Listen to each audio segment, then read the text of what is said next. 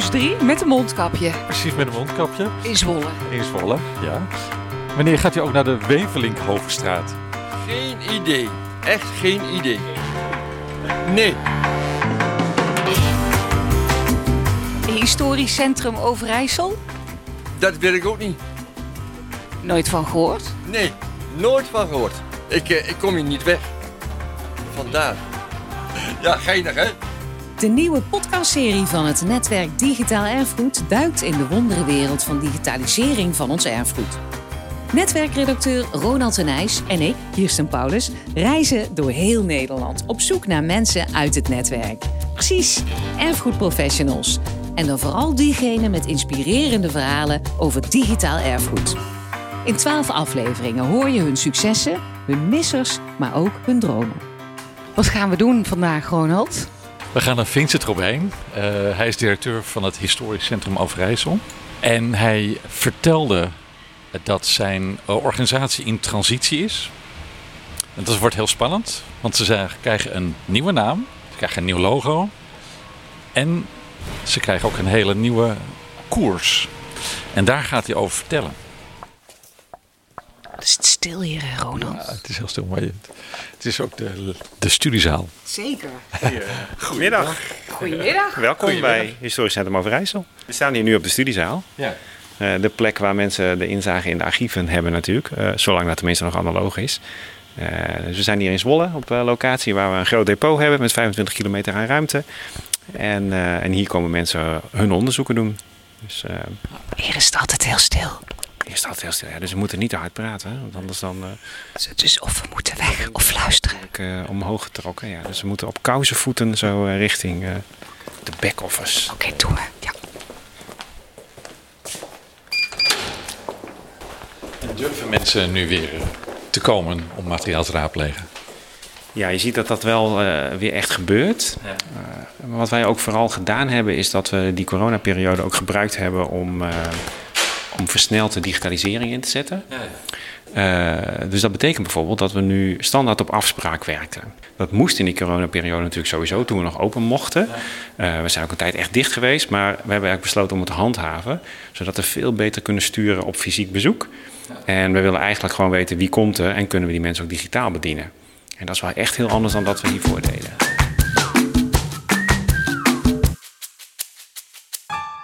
We zijn net de wenteltrap opgekomen. We staan hier nu op de, op de tweede verdieping.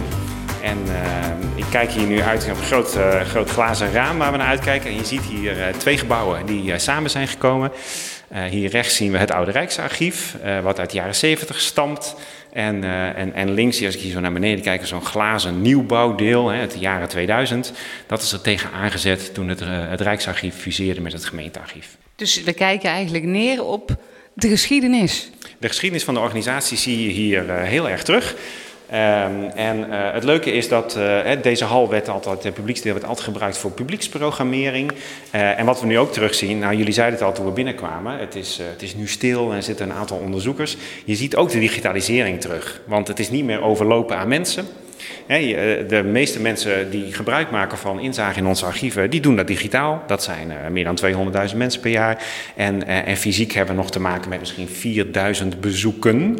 dus dat is ook Piet die elke dag komt. dus bezoekers, uniek, dat is nog veel minder. En dat komt gewoon door de digitalisering.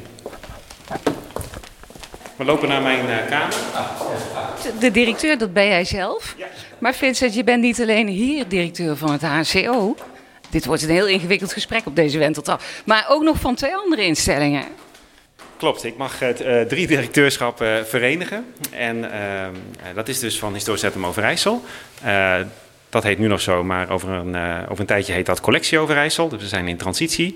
En uh, ook nog van een organisatie die een nieuw uh, historisch museum voor Zwolle aan het realiseren is. Dat gaat onder de naam Anno. Dat is ook nauw verbonden met het archief. en nog van een organisatie die gericht is op de presentatie van geschiedenis en streektaal in Overijssel. En dat heet de IJsselacademie. Dus het is een behoorlijke drukke baan, om het zo te zeggen. Stress? Volle agenda. Ja, volle agenda. Nee, stress heb ik niet zo snel, gelukkig. Nee, dat valt gelukkig mee. En eh, gaat dat goed trouwens met je koptelefoon? Nee, ik zie jou ook een beetje. Voor de luisteraars, het helemaal verwikkeld. Dit knippen we eruit hoor. Oké, zo jammer.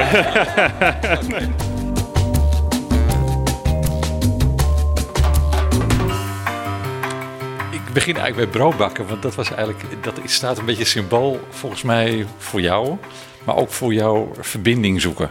In, toen ik in Rotterdam woonde al begonnen met, uh, met zelf brood bakken. Dat vond ik gewoon eens leuk. En het is natuurlijk een heel degelijk product. Het is allemaal niet patisserie, allemaal heel ingewikkeld. Maar uh, echt iets wat voor het dagelijks leven iets is. En dat spreekt me heel erg aan. Uh, dus deze brood, nou, dat is best wel een, iets wat ingewikkeld is. En daar moet je veel geduld voor hebben en experimenteren. Dat het niet een platte pannenkoek wordt, maar echt iets, iets moois. En toen verhuisden we voor deze baan uiteindelijk naar Overijssel, gemeente Olstweijen. Hartstikke leuk, voormalige En daar, ja, daar konden we dus iets heel moois realiseren. Daar hebben we nu een, een, een houtoven, houtgestookte oven. Uh, met sprokkelhuid uit het bos. En uh, daar bak ik elke zaterdag uh, 15 broden voor, voor de buurt. En het leuke is dat we daar een soort ruil- en deeleconomie hebben aan vastgeplakt. Dus zij brengen zaken in als zelfgemaakte jam of ze bakken een taart. En dan kunnen ze dan zelf kunnen ze een brood meenemen. Elke zaterdag om een uur of 12 of 1 is dat brood klaar. En dat gaat als een dolle, want uh, mensen rennen bijna zo uh, naar ons toe. Want er zijn maar 15 stuks. Dus, uh... Je kende je niemand. Was de manier om iedereen te leren ja, kennen? Ja, want als je op platteland woont, dan... Ehm, we wonen niet huis aan huis aan huis. Het is, vrij, het is een, een, gemeenschap van 25 huizen waar veel ruimte tussen zit. dus er zijn buren van 2,5 kilometer verderop. Die komen gewoon op de fiets naar die oven om hun brood te halen. Die komen weer buren van de andere kant tegen die elkaar niet dagelijks zien. En daardoor ontstaan hele grappige nieuwe verbindingen... waar ook mensen dingen samen met elkaar gaan doen had ik nooit gedacht natuurlijk dat dat zou gebeuren. Het was ook niet een plan of zo, vond het gewoon leuk. En daardoor zie je dat je gewoon met, met iets goeds en met een leuk product wat je aanbiedt, nou, opeens een nieuw soort gemeenschapsgevoel creëert. Uh, een brugje te maken naar uh, het, het, samenwerken, het verbinden. Jullie zijn nu ook het erfgoedplatform Overijssel gestart. Dat is ook een hele mooie vorm van verbinden, maar dan inderdaad de erfgoedinstellingen hier in Overijssel die samenkomen. Nou, waar ik heel erg in geloof is um, denken in het netwerk. Hè? Dus wat is jouw rol als organisatie binnen een specifiek netwerk? En dan ook wel heel erg contextgebonden, dus binnen je omgeving. Wat, wat kan jij nou doen met jouw organisatie om, nou in dit geval dan gaan de, hoeden wij ons over het erfgoed, om het erfgoed beter toegankelijk te krijgen, beter te digitaliseren. Dus wat is jouw kernwaarde en wat doen anderen? En in de omgeving Overijssel, om het zo te zeggen, zijn niet heel veel instellingen die uh, professioneel met erfgoed bezig zijn. Het is een land wat niet heel erg verkaveld is. Anders dan bijvoorbeeld in Brabant of in, in Utrecht, waar je erfgoedhuizen hebt, heel veel archiefdiensten. Dat heb je in, in Overijssel veel minder. Dus er was een beetje een gat? Ja, er was een soort van gat. Ja, en dan kan je zeggen, oh jee, wat erg allemaal. En dan moet een groot instituut komen die dat allemaal doet. Nou, uh, misschien kan je het ook op een andere manier doen... door de spelers die er wel zijn... juist in een soort van netwerkverbinding met, samen te brengen. En te kijken of je dan, uh, als je allemaal wat samenbrengt... vanuit je eigen kernkwaliteit, iets, iets nieuws kan neerzetten. En dat is eigenlijk waar, uh, nou ja, waarom die, over dat broodbakken... waarom de verbinding zo belangrijk is. En mensen leren kennen en ook echt naartoe te gaan... andere organisaties te leren kennen. Om samen te bedenken, wat doe jij en wat doen wij? En wat doen wij misschien ook al niet... Dat is ook heel belangrijk om, als je vanuit het netwerk denkt, ook bedenken waar wil je verdomde goed in zijn en waar, wat zijn de dingen van je denkt, nou dat kan jij, de ander kan dat veel beter. En misschien moeten wij dit dan niet meer doen of veel minder. Dat is uh, waar we heel erg nu mee bezig zijn. Van het brood naar het verbinden, naar het roerom zometeen.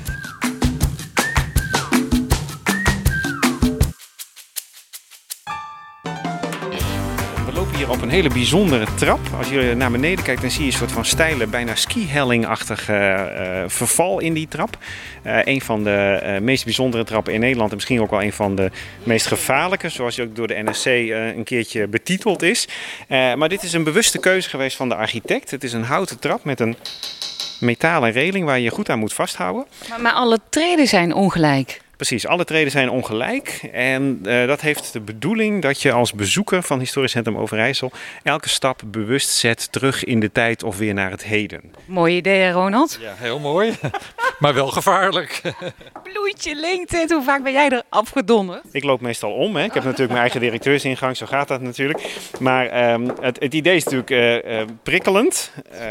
de uitvoering nou, is ook wel echt esthetisch best wel mooi. En je dacht, ik neem die twee eens even mee. Ik denk, ik laat jullie de trap afdalen om ook daadwerkelijk terug in het verleden te gaan, ook van deze organisatie. En, uh, en tegelijkertijd wilde ik jullie hier ook mee naartoe nemen, want als we ons omdraaien, dan kijken we op een enorme voorraad boeken. En uh, feitelijk wordt dit nu, deze hele mooie architectonische ruimte, eigenlijk nu als opslag gebruikt. En uh, hier zie je dus aan dat zo'n publiekshal, bedoeld voor een groter publiek, door digitalisering eigenlijk voor een belangrijk deel zijn functie heeft verloren. Um, en um, dat is misschien ook aardig om te vertellen dat de publieksfunctie van Historisch Centrum Overijssel, als het gaat echt over de presentatie van de verhalen van Zwolle, Deventer en ook de provincie, um, je ziet dat we dat nu langzamerhand hebben ja, een soort van overgegeven aan andere organisaties. Dus wij beheren informatie, wij beheren uh, documenten die de waardedragers zijn voor die verhalen, maar het zelf presenteren. Uh, dat gaan bijvoorbeeld nu hier in Zwolle, doen we dat via het museale concept Anno. Is dit revolutionair in archievenland, Ronald, dit? Volgens mij wel. Want uh, voor mij zijn jullie de eerste archiefinstelling die dit gaan, zo gaan oppakken.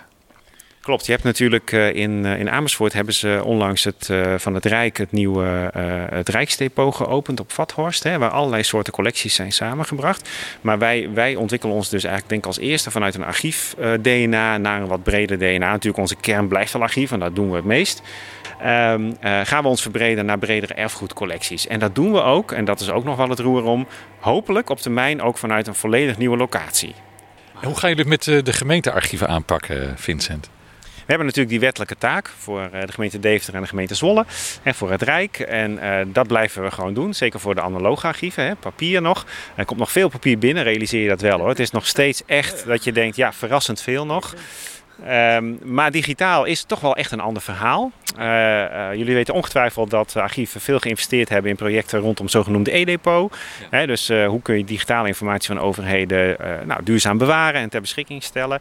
Ehm, dat zijn vaak, ehm, ja, als, je, als je daarnaar kijkt, even van een beetje van een afstand, is dat toch wat één systeem denken. Hè? Dus we proberen alles in één systeem te vangen en daar alle digitale informatie van de overheid in te zetten. Waar wij nu echt mee bezig zijn, is om te kijken van kun je ook de digitale informatie die natuurlijk gewoon bij de gemeentes in dit geval zelf ontstaat, kun je die daar al zo goed beheren of archiveren dat het eigenlijk daar al geregeld is, die duurzaamheid. Dus dan, dan uh, moet je je voorstellen waar vroeger dan het papier op een gegeven moment bij ons in het depot belandde en dan goed verzorgd werd, zou je dat bij digitale informatie bij de bron al goed georganiseerd willen hebben. Laat het daar, laat het bij de gemeente blijven. En dat, is, en dat is wel echt een andere visie die we. Ja, uh, dus dat we niet meer gaan overnemen, in ieder geval het beheer niet. De toegankelijkheid kan je nog voorstellen, wellicht dat er een loketje via het archief gaat lopen. Maar wij geloven er vanuit onze organisatie veel meer in. En dat hebben we inmiddels met de gemeente Deventer en Zwolle zijn we daar ook over in gesprek. Dat ook de verantwoordelijkheid voor die informatie echt weer bij die overheden gevoeld moet worden. Uh, zij weten het best hoe die systemen in elkaar zitten. Maar het overpompen in een e-depot van alle gemeentelijke informatie die bewaard moet worden in één soort systeemachtig ding, ja, dat, daar geloven we niet in.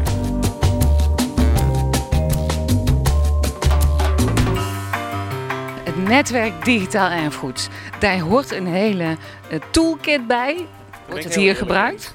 Ja, ja, zeker. Want we hebben ook een, uh, een erfgoedcoach. Die is aangesteld om uh, juist alle kennis en kunde vanuit die uh, toolkit, maar ook alles wat vanuit NDE of anderen ontwikkeld wordt, juist in de provincie te laten landen. En dat is nou net een schoolvoorbeeld voor hoe het zou moeten.